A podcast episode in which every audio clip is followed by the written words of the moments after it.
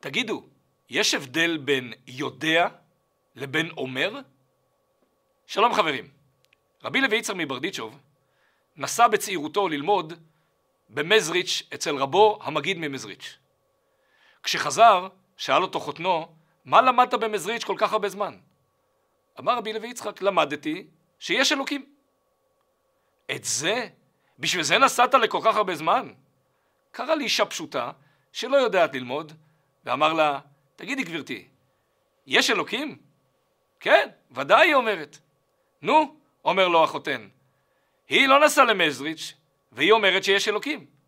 אמר רבי לוי יצחק, היא אומרת, אני יודע.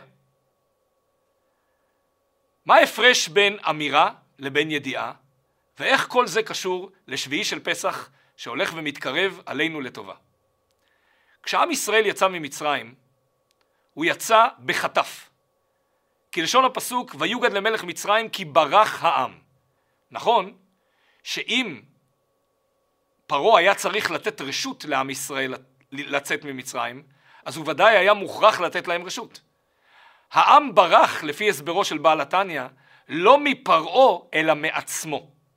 היות ועם ישראל במצרים היה שטוף בעבודה זרה, והיות ובסך הכל לפני יציאת מצרים היו להם שתי מצוות, ברית מילה וקורבן פסח, עם ישראל עדיין לא הפנים את המסר הזה של יציאת מצרים. זה היה סוג של יציאה פיזית ועדיין לא הבנה רוחנית של המושג יציאה מעבדות לחירות, משעבוד לגאולה, של קשר חזק עם הקדוש ברוך הוא. לכן בעצם הוא ברח, כי בעוד זמן מועט, אם הוא היה נשאר במצרים, חס ושלום, הוא יכול להיכנס לשער הנון, שער החמישים של הקליפה, וממנו חס ושלום אין יציאה. לכן הייתה מוכרחת כאן בריחה.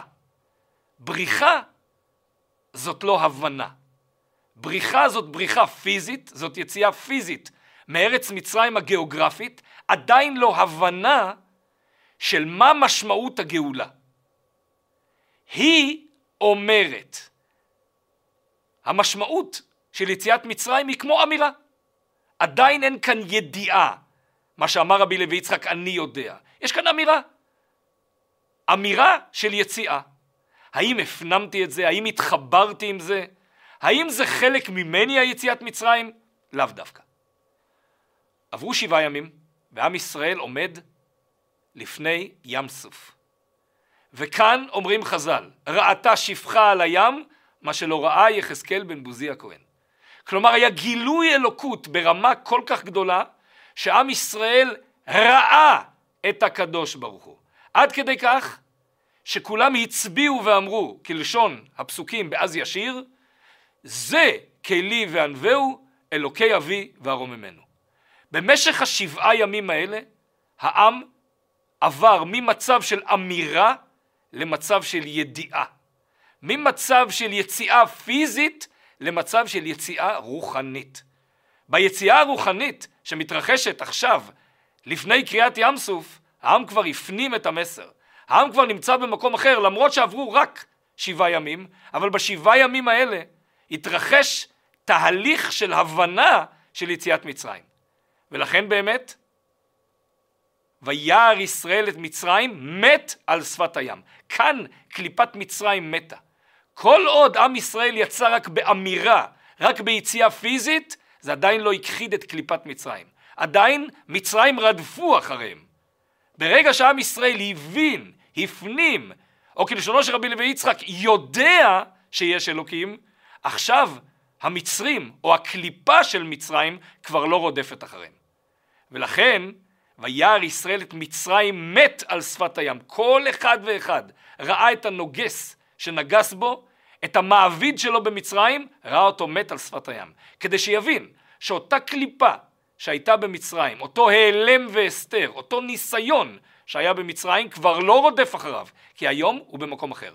היום הוא במקום של גאולה, של יציאה מעבדות לחירות אמיתית, לא רק באמירה שהתרחשה בלילה הראשון של יציאת מצרים, אלא גם בהבנה. המעניין הוא שבפסוק בשיר השירים כתוב מושכני, אחריך נרוצה, הביאני המלך חדריו. בעל התניא שואל, מושכני, לשון יחיד. אחריך נרוצה, לשון רבים.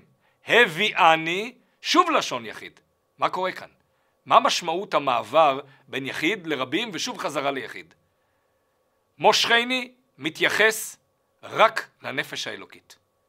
כי הנפש הבעמית, קרי הגוף, ההבנה השכלית של הבן אדם, עדיין לא הייתה בפנים. ביציאת מצרים נאמר מושכני. אלוקים משך כביכול רק את הנפש האלוקית. נכון שהגוף יצא ממצרים, אבל איפשהו הגוף נשאר בתוך המיצרים והגבולים.